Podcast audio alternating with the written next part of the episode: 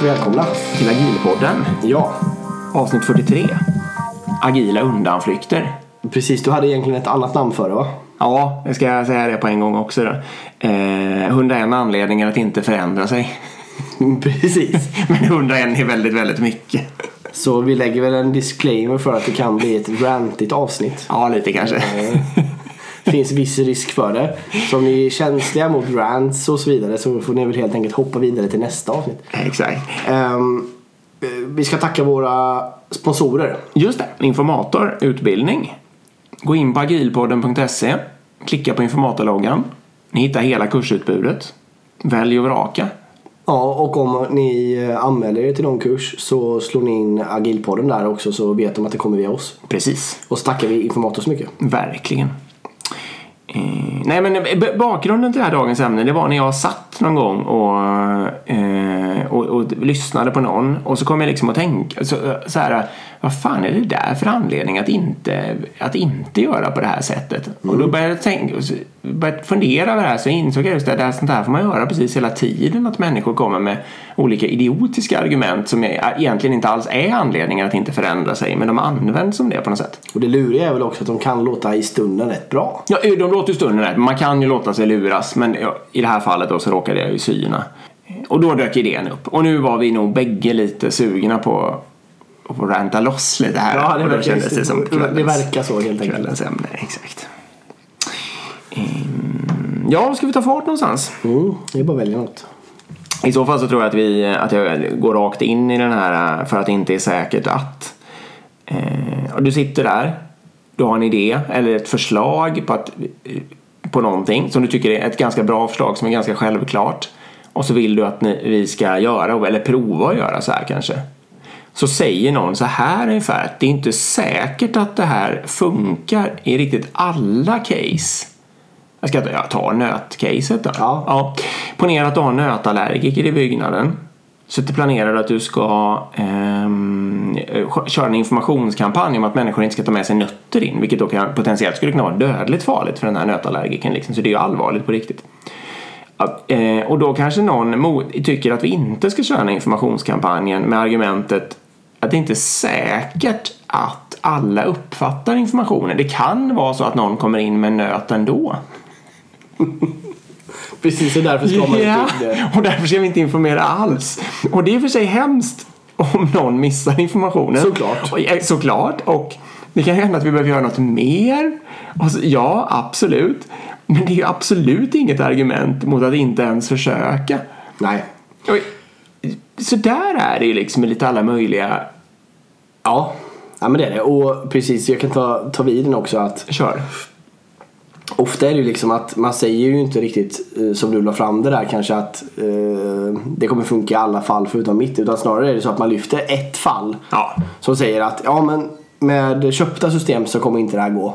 precis. Eller om vi har en hybrid av köpta, egenutvecklade och eh, offshore-utvecklade system. Då kommer inte det här gå. Och det är kanske då, då, om man då zoomar ut och tittar på så kanske de där köpta systemen består av 5% av hela er applikationsportfölj. Ja. Så det är liksom, okej det är 5% som kanske inte kommer funka så bra med det här. Men 95% kommer liksom göra en drastisk förbättring. Ja, Men då argumenterar personen för att liksom, nej, men de här 5 procenten, i och med att inte det går så är det här dumt. Det är väl det man får se upp med. För det låter ganska smart när någon säger det här att ja, men för den här lilla specialgrejen så funkar det inte. Okej, och då låter det som att ja, men då, fall, då borde allt falla. Ja, precis. Och det var ju precis så i det här fallet. Nu har jag ju tänkt för mycket på det så jag inte förklarar hur det lät egentligen. Det, det var ju exakt så var det ju. Eh, ja, men om någon har med sig nötter in ändå, då kommer ju inte det här ha hjälpt. Ja, eller något sånt där. Ja, precis. Köpta system. Varför funkar ingenting på köpta system? Ja, och det gör det ju såklart. Man kan väl... kan- Jag vet inte, det är kanske bara vi som hör detta där vi jobbar. Men eh, om, om det är någon annan som känner igen sig så får ni i alla fall så kan ni få ranta med oss här. Nej, precis. Man hör ju ofta det att Ja, men jag tror, okej jag, jag backar lite. Folk missuppfattar ju vad agilt är. Folk tolkar det som en metod och Ja. kanske metoden scrum. Ja, Och så ser man ett 1 till 1 förhållande mellan vad agilt och scrum är. Ja, och då ser de att folk håller på med eh, iterationer och att man gör nyutveckling och man eh, ja, har retrospektiv och stand-ups och så vidare. ja, Och så tycker man då liksom att ja, men den metoden kan inte jag applicera rakt av helt exakt på, på så som vi jobbar idag. Nej. Och därför funkar den inte. Men jag menar som vi har pratat om många gånger, agilt handlar ju snarare om att att man skapar en principstyrdhet utifrån ett, eh, liksom vissa principer som finns i manifestet. Då. Ja, man fattar besluten baserade på principerna i manifestet och Ja. värdena. Precis. Principerna plus värdena. Då får man ju, då skaffar man ju liksom utifrån det, okej vi ska skaffa kundvärde ofta, vi ska fokusera på fungerande mjukvara och, eh, istället för dokumentation. Jag menar alla de här sakerna. Det kan man ju applicera oberoende av vad det är för verksamhet. Om det är köpta system, eh, egenutvecklade system och så vidare. Sen kanske det inte är smart att applicera Scrum, men Scrum är ju bara, Scrum i sig är ju en metod. Ja, Som är liksom, men det är ju bara ett verktyg i en stor verktygslåda i en stor principstyrd liksom Kontext. Kontext, ja exakt. Och sen dessutom så, nu har jag ju faktiskt varit chef då över en del köpta system som har kommit från mer sådana här traditionella organisationer. Ja. Alltså som, jag, som jag helt enkelt har tagit över. Ja. Och i några fall så har det visat sig att när man väl börjar titta, när man sätter utvecklare. För ofta är det ju så tyvärr att med köpta system så sitter ju inte kodkunnig personal nej. och styr och ställer över. Och utan Jag det anses ofta inte ens behövas. Nej, utan det är ju administrativ personal som Ja. sitter. Och det gör ju i alla fall, de- det systemet, ett exempel jag har som vi tog över, det var ju eh, koden var helt värdelös. Det var ett jättedåligt skrivet system och det sig att det, de, företaget som har levererat här, de hade ju ingen kunskap alls om ett, hur man skriver kod. Och, eller det var inte produkten vi köpte här utan vi köpte ju en ganska företagsanpassad produkt Ja. Så de, det var inte så att de, de hade inte speciell produktkunskap och de var dåliga utvecklare. Och de var skitdyra liksom. Ja. Om man ska hårdra det lite. Och det här uppmärksammar ju aldrig någon person. För personen sitter ju bara ja mitt jobb är att köpa den här saken. Och jag sitter jag tecknar mitt kontrakt, jag ser till att ha rätt kontaktvägar, jag ringer om det blir något problem, Exakt. jag betalar Kanske- fakturorna, Ja, och kanske åker på någon trevlig lunch med någon säljchef i det företaget. Och så. ekonomiplanerar. Ja, nej men precis. Och det är det som är liksom att så fort vi satte utvecklare i det där så sa ju de att men herregud det här kan vi ju skriva om. Äger vi den här koden? Ja det gör vi. Så, Okej, och jag ska bara ta helheten där då. Kör. Till, slut så slutar det med att idag då så finns inte den här leverantören mer och nu utvecklar vi det själva istället. Ja. Och det är tio gånger bättre liksom. Och det, här, det är det jag menar i den här eh, eh, traditionella setupen då med köpta system så hade det aldrig hänt. Det hade fortsatt levt i all evighet. Fast Ja, det göms fast, lite. Ja, fast det, det är det. Ja. Hur ofta lägger man ner köpta applikationer för att de är dåliga? Det händer ju aldrig. Nej, nej det kan vara så. Du, jag måste bara säga en sak här som jag tänker på också. Eh, den är absolut enda anledningen att inte sätta en utvecklare på en svår arbetsuppgift. Det är ju om utvecklaren, nu får alla utvecklare hålla för öronen här. Det är ju om utvecklaren kommer tycka att det är för tråkigt att vägra. Men i övrigt så tjänar man ju, det här är mitt påstår jag, eller min spaning eller misstanke. Man tjänar väldigt mycket på att ha ett utvecklingsteam som har hand om saker även som liksom är kring produkten. Så har man ett köpsystem så tjänar man ju på att de eh, pysslar om det också. liksom. verkligen. Eh, men det är klart att det går ju en gräns när det blir för administrativt. Om man har duktiga utvecklare så blir det bara tråkigt förstås. Jo, det är klart. Men, men du menar, och sen eh, om vi fortsätter det här nu att om vi ändå kommer fram till att det som leverantören gör är det är ett bra system och det är bra kod de levererar. Varför kan inte vi sätta upp code reviews där vi har utvecklare som tittar igenom koden? Varför kan vi inte få den här leverantören att leverera oftare? Alltså varför kan vi inte börja sätta upp ett agilt kontrakt med den leverantören? Nej, det brukar ju heta att inte det går bara. På Nej precis, men det är klart det går Lite liksom. Jag menar, bara, jag menar, det beror ju på såklart vilken företagsstorlek man har bakom sig så men jag menar, det går ju alltid att säga till den här leverantören att ja men jag kommer kräva av dig nu att ni har en retrospektiv varannan vecka. Ni har en planering där jag är med och prioriterar vad ni ska göra. Jag, ni ska leverera mjukvara efter två veckor i produktion. Och om inte ni gör detta då kommer jag, då kommer jag liksom inte använda det som leverantör långsiktigt. Men det är något problem här för att det är, eh, vad ska man säga, de har kvar det här som någon slags fredad zon. Jag tänker på de här ERP-implementationerna. Får jag beröra dem eller Ja. kommer, är vi på ute för hal is? Nej, gör det. Nej, men det är väl lika bra att göra det. Eh, för då finns det någon slags de facto-standard så här liksom att eh, om man ska hålla på med en ERP-implementation då ska man köpa det som något gigantiskt vattenfallsprojekt som någon, någon sån här, det heter inte leverantör då längre utan då heter det integratör eller vad är det de Ja. kallar det? Som ska kasta den där lösningen över muren efter ett år mot hot om vite om de mot förmodan skulle bli försenade och så vidare. Och, så vidare. och det där är ju liksom så, var- varför i hela världen, om man i ena änden av sin firma eller vad det nu är man har för någonting accepterar att mjukvaruutveckling måste ske eh, agilt och att man måste ha någon slags tät återkoppling och så vidare. Varför i hela världen tror man då att i andra änden, om man har något köpt grej som ändå är ganska anpassat av den här den så kallade integratören, eh, att det helt plötsligt skulle funka att göra klart i sin helhet hemma på kammaren och sen kasta över en, en fet mur. Ja, nej men det är ju det klassiska projektledningssjukan. Att man vill lägga ut risk på någon annan, man vill Ja. ta den själv och så vidare. Men varför får de behålla den delen? Nej, det är oförståeligt. Ja, det är lite obegripligt. Så summan av den kardemumman är väl att eh, om ni hör det funkar inte på köpta system så tro inte på det riktigt. Det andra argumentet som alltid kommer är ju det här att man måste teckna ett gigantiskt avtal eh, vid en given tidpunkten T liksom. Och allt måste vara med i det här avtalet och man måste ha förhandlat så man kräks för att få det så billigt som möjligt. Och ja, det heter väl vice versa då från leverantörens synvinkel. Liksom. Men eh, det är väl lite samma sak där. Att man borde ju kunna kräva att få förhandla agilt. Alltså ha Ja. olika trappor.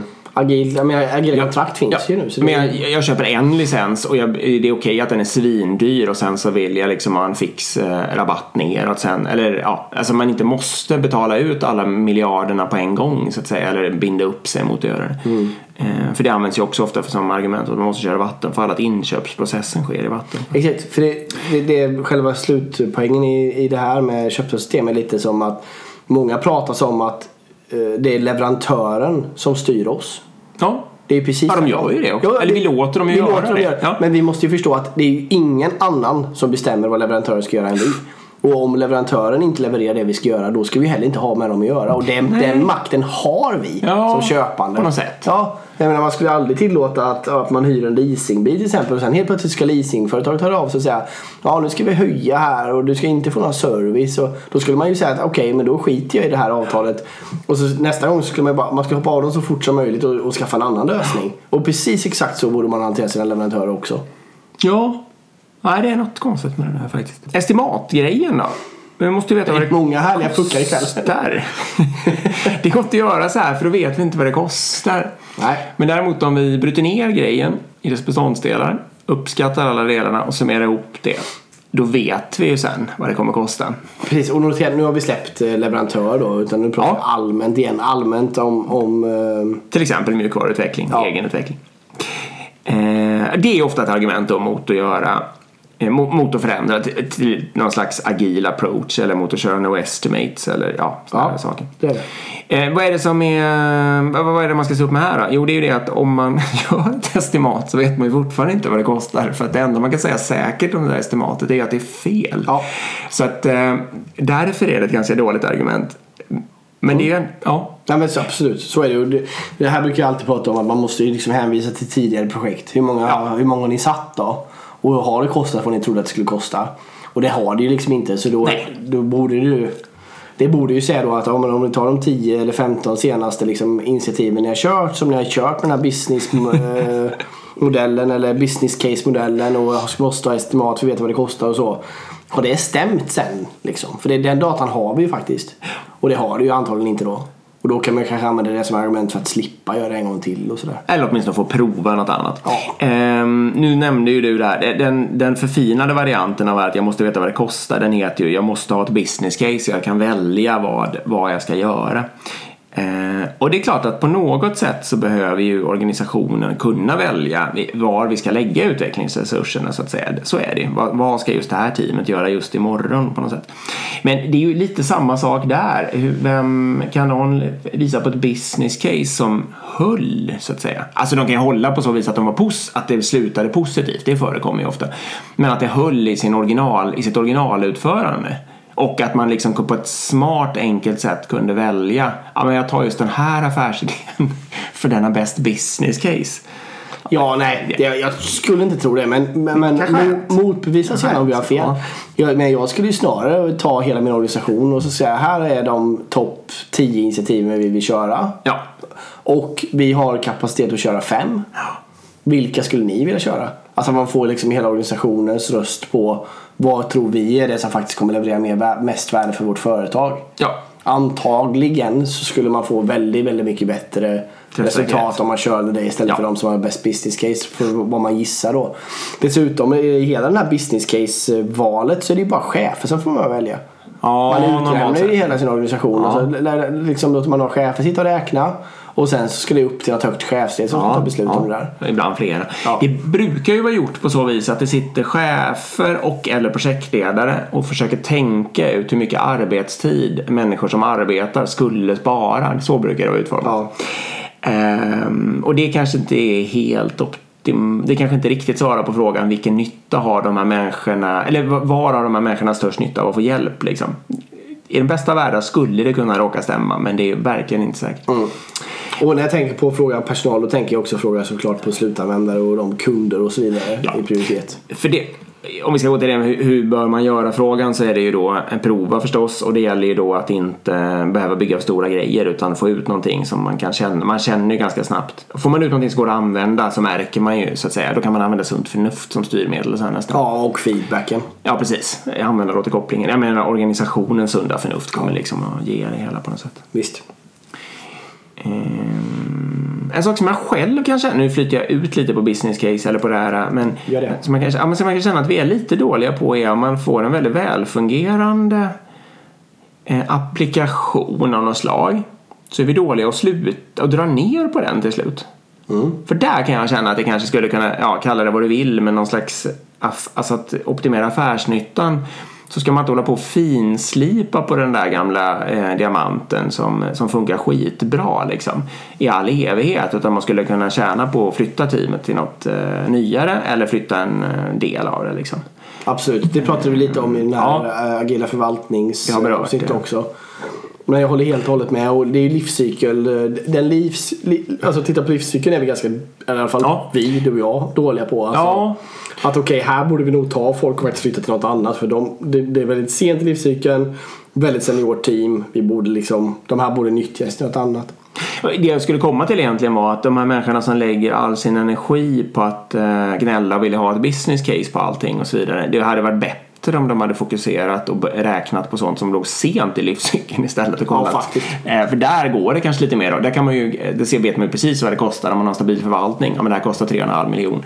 Ehm, hur, hur stor är användarskaran? Hur bra funkar det idag? Vad är rimligt liksom? Ja. Där går det ju på riktigt kanske att göra lite sådana kalkyler. Men det är ju aldrig någon som gör istället. Nej.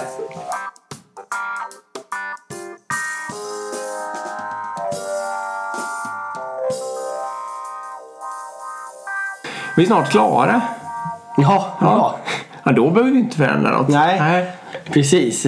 Det- Den är fantastisk. Jag är 90% klar nu. Ja, det, har jag, precis. det har jag Nej, varit de senaste tre åren. Exakt, det här ska bara, det är bara en liten grej kvar nu. Sen är det klart. Så vi behöver inte göra en transformation här. Och sen ska det förvaltas. Ja men då ska vi inte Då göra, eller? Bara förvaltning. Det är bara support. Det är bara, bara support. ja, nej men ehm, där får man ju då eh, det som jag precis var inne på här att många uppfattar ju sig som projektet går ju precis som det är tänkt fram till det är 90% klart. Och sen är det ju 90% klart tre gånger så lång tid som det tog att bli 90% klart så att säga. Det brukar, ju- det brukar ju vara så. Exakt. Eh, så det betyder att eh, när det, man sa att det var 90% klart första gången så var det ungefär 33 då eller vad det nu kan bli 25 kanske. Ja. Ehm, I praktiken. Så det där vi snart klara argumentet är ju väldigt, väldigt statistiskt sett är det oftast inte sant när det sägs så att säga. Det skulle kunna råka vara sant men oftast är det faktiskt inte. Men sen också återigen, vad är snart, om, man, om man säger vi är snart klara då menar man ju ofta kanske med projektformen. Ja, Men sen precis. ska ju den här applikationen leva Precis. i tio år också. Precis. Vad ska hända under de tio Nej. åren? Då kommer det nya liksom, introduktioner eller nya förändringar som gör att den här applikationen måste ju liksom leva med verkligheten och förändras. Ja, och hur ska alla de förändringarna göras då? Ska de också göras i projektform? Nej, de ska göras i förvaltningsform då. Ja precis och då är det heller inte viktigt. Liksom. Nej, det spelar ingen roll hur man arbetar. De blir i och för sig ofta lite smartare. Förvaltningsformerna har Det blir de. Just i anledning. Så det räddar sig ofta lite av det då. Även om Men det är ju, går in vad det beror på är ju att man släpper kontroll ofta. Man Ja. lägger ner de här styrgrupperna och allting och så låter man faktiskt personalen som arbetar med det bestämma lite hur det ska gå och helt plötsligt blir det smart och bra liksom. Ja. Hur ska vi gå in på det? Kontroll är ju en annan sån här eh, typisk undanfråga. Hur ska jag veta att, att jag får något för mina pengar? Eller hur ska jag veta att det går bra? Och hur ska jag veta vad jag får för mina pengar? Ja, den brukar komma också. Och, och därför kan jag inte, därför måste jag ha statusrapporter och jag måste ha en plan va? och milstenar för jag måste se att vi passerar den här milstenen. Jag måste veta när det är klart. Ja, jag måste veta när det är klart också. Ja, förstås. Precis, jag måste ha en plan om vi går hela den vägen. Ja. Sen ett argument som jag lite mer förfining av det där är att jag har tre eller fem sådana här olika parallella aktiviteter som är beroende av varandra och därför måste jag veta de här liksom mötes, alltså man måste, de, de ska leverera in i varandra måste jag ha planer för. Precis, det är väl i ett argument, det kanske jag är mer benägen att släppa till men ehm, Ja, precis. Beroenden emellan och så ja. Ja, då, det måste man ju i alla fall på något sätt lösa, det håller jag med. Ja. Men, ja. Ska, ska de få statusrapporter? ja. Ska, de, ska det finnas en tidplan? Är det ett argument för att inte Det börja Jag arbeta ska i iterativt? Jag ska bara ge en, en kort anekdot eh, kring det där. För, jag, jag nämnde väl i något avsnitt för inte så länge sedan tror jag att jag aldrig har skrivit en statusrapport i hela mitt liv och jag har en Ja. ambition att inte göra det. Ja. Då var det ju någon lyssnare som snabbt plockade upp eh, eh, och jag satt med min chef då och käkade lunch och då kom den här lyssnaren fram och sa det till min chef att jag betalar dig pengar om du tvingar Erik att skriva en, en statusrapport. Men så tur har inte det. Uppenbarligen var inte pengasumman tillräckligt stor. Ehm, Eller så, ut, eller så väljer min chef att inte gå på utpressning helt enkelt. tänkte säga din chef har ganska hög integritet Ja, också och exakt. ganska stort åt oss tror jag man kan säga i sig. Så att just han är nog fel person att, att försöka Det få var väldigt igenom en sån här grej på. Det var väldigt roligt i alla fall. Men, En rolig eh, kupp. Eh, nej precis. Ja det var en väldigt rolig kupp. Och det lyckades inte då. Men... Eh, nej men... Ja. Vad säger du? Nej kör. Jag ska säga, svaret är ju samma. Man vet ju inte ändå. Det är ju Nej. bara en imaginär kontroll liksom. Det är ju som att, jag vet inte, mura in sig i ett litet rum som man bär med sig för att slippa se på världen eller vad man ska säga. Det är ju så en statusrapport är för mig på något sätt. Det, Mm. det är ju i alla fall inte sant. Det är inte säkert att det går bra ändå bara för att man har en plan. Eller status. Eller status. Och jag menar man klarar den första, man klarar alltid de första milstolparna och aldrig de senare liksom på något sätt. Det, det säger liksom ingenting. Så att, ja. Nej, nej men precis så är det ju. Och här får man ju istället då kanske försöka också säga att men, eh, alltså det här med produktägare då att, att ge tryggheten i att men ni ska ju bestämma backloggen och vad som ska göras eller du eller vem Ja. det nu är. Liksom. Alltså att man lägger alltså man lägger ansvaret på beställaren. Att Ja. Ni ska ju bestämma detta. Det är du som är produktansvarig, det är inte vi utan och så vidare. Och det som du alltid säger, kom på demon då. Ja. Om du vill veta hur det går. Visst. Och eller på stand-ups och rätt Ja, så. till och med standard, precis. Men när kommer du på demon, eller kommer den som vill ha den där statusrapporten på demon och få se vad som faktiskt är byggt och vad som funkar. Det är ju en status som är bättre än någon annan status, skulle jag vilja säga. Ska, sen, ja, okej, det säger ju inte om man följer en plan eller inte i och för sig, men det säger väldigt, väldigt mycket om det går framåt eller inte. Mm. Helt klart. Ja, vi har gjort så här igår. Eller vi gjorde så här förut, eller så här har vi alltid gjort. Det finns ju lite olika tappningar här också. är det bra argument Ja, det är ett bra för att fortsätta tycker du? Det beror ju på. Liksom, sitter man på ett, för, ett företag som är superframgångsrikt och, och liksom alltid har varit det så kan det ju börja bli jobbigt att argumentera mot de där grejerna. Ja, nej, Då kan man säga att Men- saker och ting förändras och vi måste hänga med och allt. Men Då ska väl det företaget ha varit framgångsrikt även, dels på 50-talet och sånt där, men det kanske man kan hitta exempel. Men helst skulle man väl vilja att det var framgångsrikt på 1750-talet och så också för att det argumentet ska vara riktigt hållbart. ja, det, liksom. det får ju vara en viss För att annars är inte det riktigt hållbart. För att annars kan man ju misstänka att det kommer hända saker som gör att man i alla fall behöver förändra sig. Liksom. Ja. Mam- mamman till två av mina barn har ju en otroligt rolig, hon jobbar i vården då. Och där finns det ju en yrkeskategori som, som hon brukar beskylla för att säga ungefär så här. Alltså de säger förstås inte så här men det är, så här hon, det är det här hon hör. Vi har gjort fel på det här sättet i 30 år nu så det tänker vi fortsätta med. Och det är liksom lite det här att, för då kanske hon kommer dragandes med någon slags forskning, jag kanske har dragit det här förut i podden. Eh, en forskningsstudie då som visar att nej men den här behandlingen är liksom inte bra eh, av någon anledning då och därför är det bättre att inte göra någonting till exempel. Eh, En klassiker. Eh, men då har man kanske alltid då, eller till exempel i 30 år gjort sådär och därför så vill man fortsätta med det bara för att det känns bra på något konstigt sätt. Men det är ju då ett fruktansvärt dåligt argument för att inte ändra sig. ja, det är det ju. Och ganska vanligt. Väldigt vanligt. Ja. Och, och kanske inte, klart att alla våra nu, det här är ju våra stiliserade utläsningar sådär. Det är klart det låter ju inte exakt så här när man hör det, man får ju vara lite vaksam. Men Exakt, vi spetsar ganska- ju nu för att ja, göra en poäng av det. Så Men ganska nära ändå. Ja, men ganska. Och det är klart att om jag ska, få, ska lägga på någon liten sån vinkel på det här kanske att jag, eh, min förstående sida, alltså till skillnad från den rantande, så är klart att jag kan väl förstå att men, men det finns ju människor som har ett större trygghetsbehov än vad jag har. Det vet jag ju. Det finns till och med ganska många. Och det är klart att jag inte vill att de ska må dåligt och sådär. Så det är klart att om jag vill möta, alltså om jag får sådana här argument och är på mitt generösa humör och, och eller liksom tycker att det är rimligt att jag ska försöka stötta dem i, i sin arbetssituation. Då får jag ju börja gå in och alltså, skapa trygghet på andra sätt liksom. Eh, och inte bara förklara hur fel de har. Nej, precis exakt. Man, man får ju försöka då mer men lägg, återigen, använd data och lägg fram det man, man vet. Liksom. Ja. Det är ju bra. Och sen så kan man också göra, jag menar till exempel eh, eh, nu, vi håller på att göra, ska göra ett nytt system eh, och då kan man ju till exempel göra, ja men här är fyra olika roadmaps vi skulle kunna ta. Ja, Alltså ett alternativ är att vi implementerar det här på massor med marknader. Ett är att vi bygger avancerat först. Ja. Ett att vi gör en hybrid. Alltså Ja. Mm. att, man gör, att man kan göra lite sådana här vägledande dokument och sånt ändå. Eller man kan säga det att ja, men vi kanske ska ha ett, ett forum där vi går igenom backloggen varannan vecka och tar en övergripande status på hur utvecklingen går. ja. Menar, Ja, precis. Alltså, precis Man kan göra bondoffer kan man göra. Exakt, man Det kan, göra, man kan göra lite sådana grejer Ja. som är liksom ändå och insatsen är väldigt låg men det skapar en väldigt, väldigt stor trygghet Ja. att göra sånt. Självklart, jag menar det är inte svart eller vitt utan man får försöka hitta eh, man får försöka hitta för att få för, för, ja, precis, för grejen är att får man får man tryggheten eh, och man lyckas leverera då kommer man slippa så fruktansvärt är mycket waste. Och det kan vara mycket värt. Alltså, det kan vara värt att sitta två timmar i veckan på möten som är waste. Ja. För att slippa 30 timmars waste i, i annan kontrollering. Ja, nej, men så kan det vara. så man får ju vara lite smart ändå och överväga. Man ska inte kategoriskt säga nej till allt liksom. Det är en Nej. bra poäng. Och det har jag verkligen insett i min, det är en jättebra poäng, det har jag insett i min yrkesroll överhuvudtaget. Det gäller ju inte bara just agil transformation och sådana där saker. Men man ska ju tänka sig för innan man tar en strid. Vissa saker kan man stoppa huvudet i sanden och låtsas som att det inte har hänt. Men annat kan man, det verkligen löna sig att spela med som du säger. Två timmars någonting möte för en person eh, för att resten av organisationen får sitta i fred. Det kan ju få hur värt som helst hur, liksom. mycket, på hur mycket tid och grejer som helst. Exakt. Även om det är väldigt tråkigt för den personen så kanske just det är du då. Ja. Eh, Just de där två timmarna. Ja. Men Då må det väl vara så.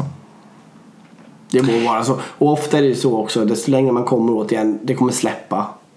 Man kanske kan, men det är också en livscykel. Där grej det här i början när osäkerheten är stor och då man har fortfarande inte levererat någonting. Då är både osäkerheten och risken Ja. väldigt stor. Då kan man ju ha en, en tydligare liksom, governance-apparat. Som man kan, Ja. kan ha en plan på att släppa då över tid och både risken och osäkerheten Ja. minskar. Så det, är- det är ju lite vad du är också. Sant. Men man får, man får se upp på så man inte fastnar i fällorna. Ja, och samtidigt som det gäller att komma igång också. För att om governance-apparaten betyder att människor inte känner sig säkra, alltså trygga, alltså en psychological safety, då kommer du kanske aldrig börja lyckas leverera och så kommer man aldrig någon vart överhuvudtaget. Så det, gäller, det, är- ja, det är tunna linjer mellan eh, succé och, och katastrof faktiskt ibland. Särskilt i början faktiskt av olika saker. Mm. Ja men det. Särskilt om man börjar på förtroende. Men vi kommer, det- vi kommer till en lyssnarfråga sen också. Vi kan ska spara det krutet Ja, det det. istället. Ehm, Jag, hade min, eh, jag träffade min mentor idag. Mhm. Vi pratade om eh, en, ganska, en väldigt, väldigt intressant sak som jag inte har tänkt så himla mycket på. Den, led, den kommer leda oss in på nästa sån där undanflyktshistoria. nämligen. Och det är lite så här att människor har olika mycket instinkt att titta bakåt och framåt om man uttrycker sig eh, i väldigt allmänna termer. Och mer specifikt har människor, vissa människor fastnar gärna i att beskriva problemet. Och andra människor går gärna på lösningen. Och självklart kan ju bägge beteendena ha styrkor och svagheter. Och det, självklart är det ju som vanligt bra att ha någon slags eh, situationsanpassning och kunna göra båda dera och så vidare. Men jag, nu när jag bara tittade i min omgivning så insåg jag det då att det finns ju en påfallande mängd människor som är väldigt, väldigt kära i problembeskrivning. Som gärna pratar både en och två och 523 gånger om, om problemet liksom. Och gärna börja hitta på olika problem som skulle kunna inträffa sen när man har gjort sina första grejer och gärna vill att de ska vara lösta innan man får börja och sånt där. Ehm, t- typ exempel om vi öppnar ett kontor här på det här andra stället och det blir fullt. Vad ska vi göra då? När vi inte ens är i närheten av att hitta det här kontoret eller lyckas liksom få dit något nätverk eller få dit en, en enda människa överhuvudtaget. Eh, eller tänk om folk missbrukar, ja, mycket sånt där brukar det kunna vara. Alltså sin rättighet att arbeta där till exempel eller ja, vad det nu kan vara för någonting. Ja precis. Och med, med, med det tankesättet så kan man ju aldrig göra något egentligen. Nej, precis. Det, eh, om man drar det för långt så blir man ju helt handlingsförlamad. Eh, helt enkelt. Exakt. För då blir det ju, då är det som att man, man har sitt schackparti och innan man flyttar fram, man är vit och innan man flyttar fram kungsbonden två steg som är det kanske absolut vanligaste öppningsdraget i schack eh, så måste man ha tänkt ut alla möjliga fortsättningar på det här. Och det går, det är ju, eh, det går väl fortfarande, alltså världens mest kraftfulla dator kan väl fortfarande inte simulera alltså, alla teoretiska kombinationer av Nej. schack. Nej, exakt. Så det går ju verkligen inte. Och så är ju verkligheten också. Ja. Eh, så det blir väldigt, väldigt handlingsförlamat. Exakt. Och för mig var det väl, är det väl lite viktigt att förstå det. Att, ja men det var en väldigt bra. och lösningen kan ju då vara att lite avbryta sådana där människor och be dem presentera en, ett förslag på lösning på första delen av sitt, sin problembeskrivning. Det är ett knep, det finns kanske flera knep på det här. Ja men det gör det väl. Och sen också att man avgränsar. Jag tänker att man behöver inte säga att vi ska inte prata om problembeskrivningen. Men man kan ju också säga att vi får bara prata om problembeskrivningen med att komma igång med en första iteration. Ja men exakt, men det, är- nu sa du Ja. samma sak fast med, på agilspråk Ja. som jag försökt säga. Nej men verkligen. Exakt, vi får prata om problemet med vad vi ska lösa under någon slags begränsad början. Det är ju precis så man bör göra. För nedsidan, om man bara ska ta det jättekort, av att vara för mycket som kanske är mitt naturliga beteende, det är ju istället bristande impulskontroll, att man chansar hej vilt och att det liksom, man tar en tokig riktning på det viset om man inte alls har överblickat problemet. Så det finns ju nackdelar med det också givetvis. Eh, vad det där osökt skulle föra mig in på var den här verktygsargumentationen. nämligen. Ja herregud. Har vi kvar den? Ja, jag går det. och just att man kan, om, om man tillåter sådana problemorienterade människor att föra in verktyg, då kan de lägga hur mycket energi, tid, pengar och organisationskraft som helst på att fylla i, underhålla, installera, konfigurera, fylla i ett verktyg. Ja. Det finns inga gränser Nej. liksom. Eh, och De värsta, det, det kan ju vara lite vad som helst. Det kan vara Excel-ark och det kanske absolut inte är det allra värsta problemet med Excel-ark, att det är lite för enkelt att skapa många sådana så att man då är det mera mängd, antalet liksom verktyg som är, blir belastning. Men typexempel annars skulle kunna vara applikationsportfölj. Har vi något, kan det vara så att vi har något överlapp här mellan, våra, mellan de applikationerna vi har? Skulle vi kunna ta bort någon? Ja eller måste vi inte veta hur många vi har? Ja. Det är väl jätteviktigt att Det veta är hur många vi har. jätteviktigt att veta hur många vi har. Och om vi ska veta hur många användare Exakt. det är på varje. Och då har man exakt hur många användare och vilka, vilka tekniker använder de och så. Just det. Och, nej men och, jag menar, det är klart. Det fyller vi. Ja, men det, men det är ju, det, för mig vore det ju teoretiskt bra att veta allt om alla. Inte, i liksom, rent teoretiskt vore det jättebra. Ja. Men man måste ju också tänka på, okej, men då innebär det att då kan inte jag jobba för då måste jag bara gå runt och fråga alla jag träffar Ja. tiden allt de vet. Jag kan liksom inte ha ett normalt liv, jag kan inte umgås med min son. Jag menar, är det bra liksom? Nej, okej, så då kanske man måste också lägga in vad är kostnaden eller vad är uppoffringen för att ha den här informationen. Nej, nej. Och vem Den är är, den för? För ofta gör man det här för någon hög chef. Ja. Och då ska en hel organisation springa på en fruktansvärt massa möten. Ja. För att aggregera upp en information som är bra för en person. Ja, eller för några ledningsgrupper eller något sånt där. Ja, nej men Det är lite samma som den här projektpulsen. Ja. Vi måste veta hur alla projekt går. Äh, Vem är, vem är det som måste veta det? Är det vår kund? Nej. Nej, är det en hög chef? Ja. Ja, troligtvis. Jaha, okej så nu ska alla stå i ett rum och, och liksom pulsa projektet. Alla sina initiativ och projekt bara för att en person ska få en, Ja, en, RGR-bild. kan man hamna Ja, och då måste man fundera på, är det värt den kostnaden? Mot vad resultatet är liksom. Och det, men det, det är ju ännu värre med det här med att köpa in system som ska lösa problem. problem. Ofta är det ju så liksom att okej, ja vi har idag en dålig uppföljning på hur det funkar. Och då tänker man okej, okej, då måste vi lösa det. Ja, vi köper in ett system som hanterar all den här informationen. Ja, men vad fan ska det... Det är ju inte det. Problemet är ju den administrativa manuella skitprocess för att fylla på den här informationen. Ja. Det är ju det som är problemet. Sen så kan man ju då, om, man, om jag ska vända och tänka lite positivt här då, så kan man ju tänka då att okej, i Excel och i manuella listor så krävs det manuell input i ett sånt här applikationsportföljsprogram eller vad man nu ska kalla Ja. det för då. Det skulle ju teoretiskt kunna faktiskt koppla upp sig mot servrarna och kolla hur många applikationer och användare har. Ja. Alltså autom- med en Ja. automatiseringsgrad som är väldigt hög. Som gör att man tar bort den här manuella processen och Ja. ändå får fram datan. Ja okej, då kanske kostnaden är ganska liten ändå liksom, relativt vad vi får ut för värde av det. Då pratar du egentligen om en robotifiering av ifyllningen också liksom. Och det är ju troligtvis smart. Om man nu överhuvudtaget vill ha en sån här. Ska jag dra min anekdot med mina, jag och mina tre arkitekter? Eh, de, de, vi satt och diskuterade så här, vad, vad är, de undrade helt enkelt vad är viktigt, vad ska vi ta tag i liksom? Och så tänkte och tänkte så här lite och jag, jag kom ju på några saker då, moln och um, bättre integration och sådana saker som vi satt och pratade om också i och för sig. Men poängen här är att det var någon av dem som sa att de ville införa just ett verktyg för applikationsportfölj.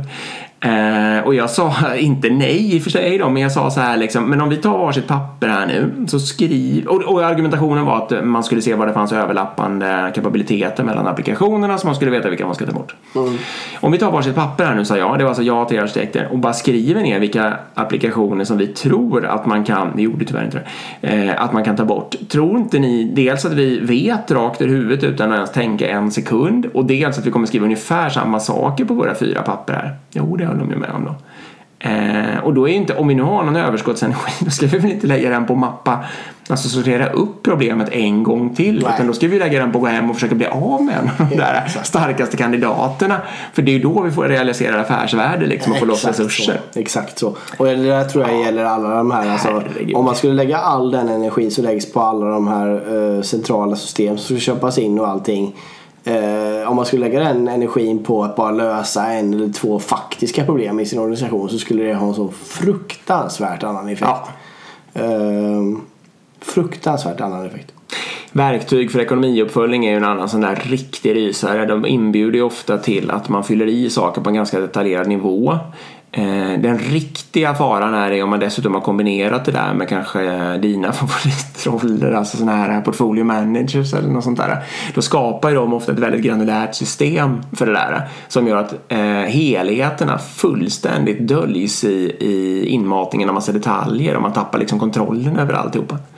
Administration skapar administration. Ja, Det är en bra grundregel att vara medveten om. Precis. Sätter man administrativt folk på administrativa uppgifter. Det kan vara controlling, det kan vara styra en portfölj, det kan vara ja, vad som helst egentligen som är bara en administrativ roll. Det, det i sin tur gör liksom att man skapar administration. De ställer frågor. Ja, som... Ja, Andra måste svara på. Till slut så måste andra tillsätta mod, alltså andra administrativa roller för att svara på saker som de Exakt. första. Det här är ju lite som, eh, vad heter det, mm, Zero Velocity-pratan från Ja. Agila Sverige kretsar ju väldigt mycket kring det. Och sen också så blir jag, och sen he- helt plötsligt så har man massor med administrativ personal. Då ska man sätta dem i, i en, då kommer man på att det är smart att sätta dem i samma grupp. Kanske ja. Ja, just det. Och då tillsätter man en chef som är chef våra administratörer Ja. som, som då ska ha massor med pulser med massor med folk som ska göra administration. Alltså det, ja, det blir som mardröm med ineffektivitet alltså. Eh, jag pratade återigen med, med en controller som, som eh, som jag, tycker, som jag tycker har väldigt bra syn på hur man ska jobba med som controller. Då. Och um, han pratade om att liksom um, en av de eh, viktigaste uppgifterna av en controller det är att utmana hela tiden hur mycket administrativ personal man har. För det drar ofta en kostnad och skapar ganska lite värde. Och som controller så är det viktigt att hitta de här grejerna. Vad är det, som, vad är det vi har kostnad på som skapar lite värde? Hela Det var ju smart sagt. Eller hur? Eh, För det, det, och det, det här missuppfattar man många gånger controllers uppgift. Nu ska vi inte fastna i den men de tittar bara på återigen kostnaden. Men vi kan flytta den applikationen till, till, eh, och- till Indien eller till Kina eller till något eh, baltland så får vi ner halva kostnaden. Eh, Det kostar 8 miljoner idag, det kommer kosta 4 miljoner nästa år. Jaha okej men hur blir det med velociteten kopplat då? Hur, för det måste man också Det går koppla. ju för sig ner till hälften. Ja exakt. Och då, vad har man då gjort för kostnadsbesparing? Noll. Exakt. Men det där måste ju en controller fatta liksom. Ja. Ja. Nej, det är inte så, och det är ju inte så himla många som gör det. Nej. Det här härliga, om ni vill bara känna igen det här argumentet, när det, det här verktygsargumentet eller problembeskrivningsargumentet, då är det orden måste veta ni ska vara vaksamma för. Ja, vi måste, vi måste veta. Exakt. vi måste veta eh, eh, alltså hur, eh, vad heter det, hur många timmar som läggs på de olika aktiviteterna i det här. Eller vi måste veta hur många applikationer vi har. Vi måste veta hur många användare varje, ja, och så vidare. Så fort ni hör det så kan ni vara lite vaksamma och Ja, då, tänka då, på då oss. tycker jag att ni ska börja fråga vem är det som ska ha den här informationen och varför. Ja, vad, ja, exakt. Vad tänker den skapa för värde med hjälp av den informationen så att säga. Ehm, en sista härlig är ju den här vi måste ha tydliga processer. Alltså hej jag skulle vilja förändra, jag vill göra ett litet experiment, vi provar här och gör på ett annat sätt. Liksom. Nej det går inte för vi måste ha tydliga processer. Ehm, den är ju rätt vanlig också. Ja, det är det. Vi måste jobba stringent, det ska vara samma överallt. och Ordning och reda. Det kommer vi liksom ha... Aj. Ja, det kommer vi ha gynning av om vi ska flytta folk och att det är likadant där som här och så vidare. Och, ja, det måste vi ju. Och det är återigen, man tänker då att jaha, okej, så vi måste ta och göra vår implementation av agilt. Alltså vi ska ta fram en, eh, ett, ett arbetssätt kring, kring Scrum eller någonting som ska standardiseras och rullas ut likadant överallt. Ja. Liksom. Det är ju väldigt dum idé. Ja. Då har man ju återigen missuppfattat det här med att låt principerna styra och så låt självorganisering ske. Det där uppstår ju väldigt, väldigt, väldigt ofta kring när- alltså när, in, när det sitter någon processgrupp eller processmänniska som inte själv jobbar. Det är ofta då det, det, det måste man vara väldigt, väldigt vaksam med. Om det är så att arbetsgrupperna själva ansvarar för sina processer så kommer aldrig det argumentet Nej. någonsin i stort sett. Nej. För då, är det ju, då ändrar man ju bara själv. Så att om man gör det där experimentet, gillar det, så kommer man ändra i sin process själv. Då hänger den där på väggen eller något, det är ganska enkelt. Och så bara tjoff tjoff, eller det finns någon wiki som alla kommer åt eller vad det nu är för något. Liksom. Eh, och så har den ändrat sig. Men om det är så att någon annan sitter och proffstycker vid sidan om hur en stor del av organisationen ska jobba, då kommer det där argumentet. För att annars får inte de någonting att göra helt plötsligt. Nej. Och här har jag ett bra exempel ganska nyligen nu när där vi har ett, eh, ett, eh, ett adoption team eller ett enablement- team egentligen i organisationen. Som då teoretiskt, alltså enligt det här sättet tänka skulle ju de då basunera ut hur alla ska jobba. Men istället så är det så att utvecklings, ett, nu var det ett utvecklingsteam som har kommit på en, en skitbra grej gällande monitorering. Eh, och kommit på att det, det är mycket smartare att göra på det här sättet än, än det sättet vi gjort tidigare. Och då har de istället gått till enablement-teamet och sagt kolla vad smart det här är. Det här borde ni sprida. Det, det är liksom helt tvärtom mot... Gjorde de det då? Ja, Det gjorde de det. Ja, precis. Och, och det var så jag fick reda då. Så det, det, det är ju liksom det är den typen av organisation man vill ha liksom. Ja. Där, där man låter dem jobba och sen istället sprida det som funkar Ja. bra. Och det, det blir ju också så att kommer det poppa upp ett bra eh, ställe där helt plötsligt leveranser sitter, man har nöjd verksamhet sånt. Helt plötsligt kommer alla börja titta på det liksom. Ja, Vad är det som händer precis. där borta? Och Precis. då kommer det sprida sig. Ja, Och då gör det på en, och- ja, exakt. Man behöver inte vara så noga med att sätta upp governance kring det där och vara orolig kring det för det kommer styra sig själv ganska vackert. Får jag citera Pia-Mia? Ja, gör det. Det är bara mediokra företag som håller på med best practices. Ja, det, det är nog... Det måste vara det bästa hon någonsin sagt. Ja, och hon har ändå sagt rätt, sagt rätt mycket bra grejer. Ja, det får man ändå ge henne. Hon har skrivit en hel bok med bra grejer. Uh, vi säger, säger den igen, den är fantastisk. Det är bara mediokra företag som håller på med best practices. Mm. För det är också en sån där problem, man måste ha tydliga processer. Då kan det heta en fortsättningsargument på det att om någon då har kommit på ett väldigt bra sätt att göra det så ska man sprida ut det via den här centrala processorganisationen och inte alls på det här sättet som du säger nu liksom att, att man bara kopierar och blir nyfiken utan mer att man liksom tvingar ut det med någon slags dokumentation och grejer. Eh, och då blir, får man ju ett mediokert företag det blir ju så, för jag menar, samma dag som du och jag kom på hur du och jag ska jobba och Ja. alltså, och vi formaliserar det på papper. Så redan en minut efter så är det ju pappret uh, ouppdaterat. I det här fallet kom vi nog inte på hur vi skulle jobba heller utan vi kom på hur någon annan skulle Ja, jobba. till och med det. Men det blir ju liksom uh, ouppdaterat på en gång. Ja, för annars så jobbar man ju inte med ständiga förbättringar och så vidare. Så när det där väl har rullat ut eh, tre månader senare till alla utvecklingsteam så är det ju inte aktuellt längre. Nej. Nej. Nej, nej, nej, precis. Och sen och helst vill man ju ofta att de- det där ska ligga liksom då. Och, alltså det är, det är jobbigt att ändra så att ju mer stabilt. Mycket detaljer och lite ändring, det brukar ju vara så det slutar. Liksom. Ja. Och att ingen följer det. Det är förkastligt som Pia-Mia också säger. Ja, bra. Nu har vi rantat vidare om, Ja. Eh, rantat om detta. kanske, vi kanske ska släppa vårt dagens huvudämne och gå över på lyssnarfrågan istället.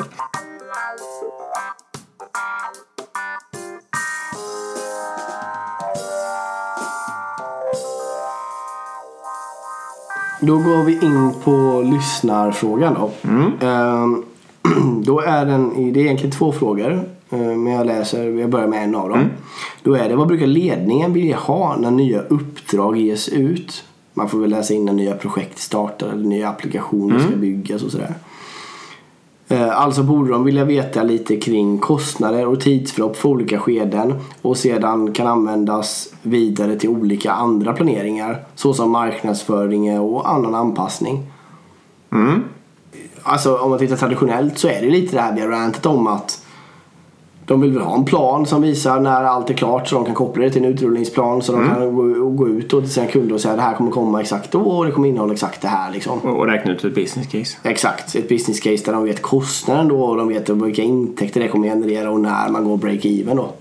Exakt, det är väl traditionellt. Jag kom på vad jag egentligen tycker här.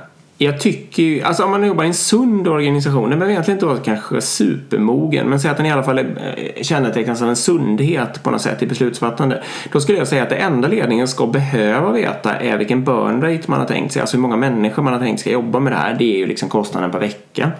Eh, och när de kan förvänta sig första körbara prototyp.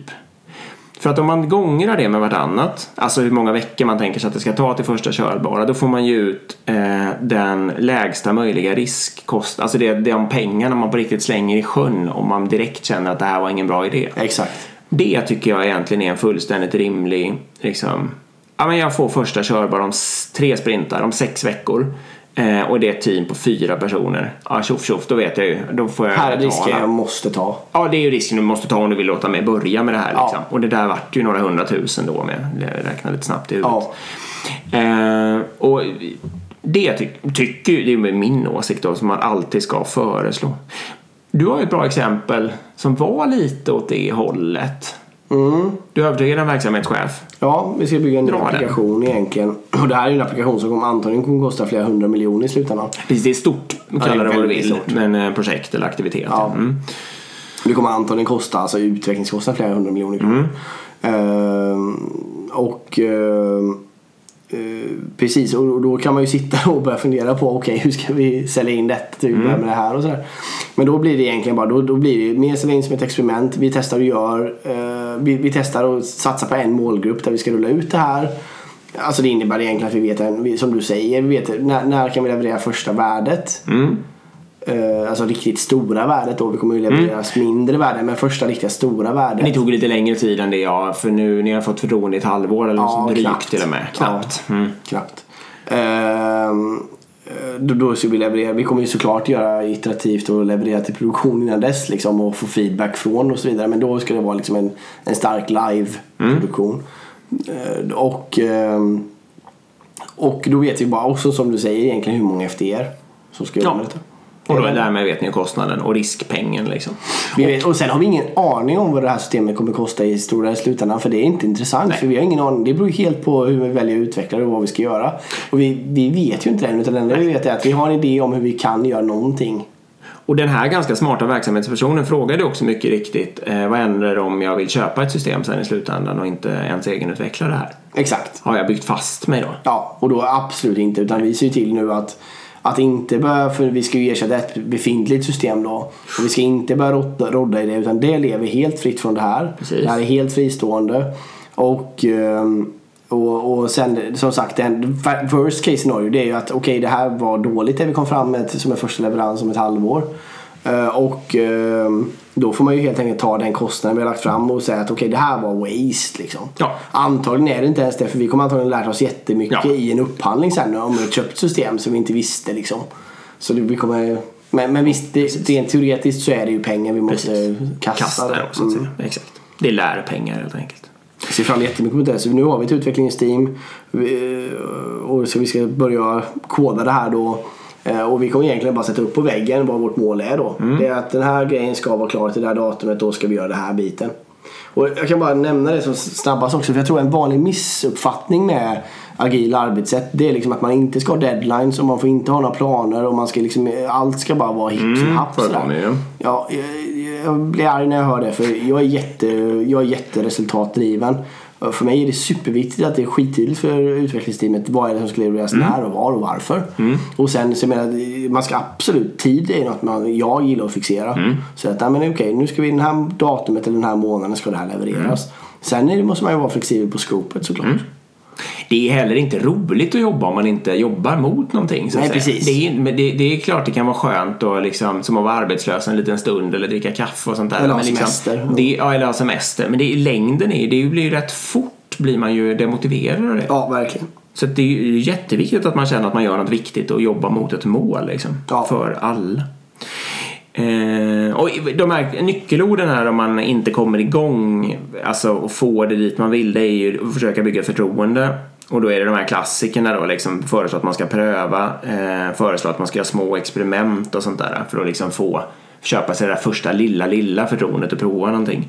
Eh, som ofta puttar då beslutsfattare och så vidare över kanten som man så- kanske sen kan gå igång i större skala och sådär.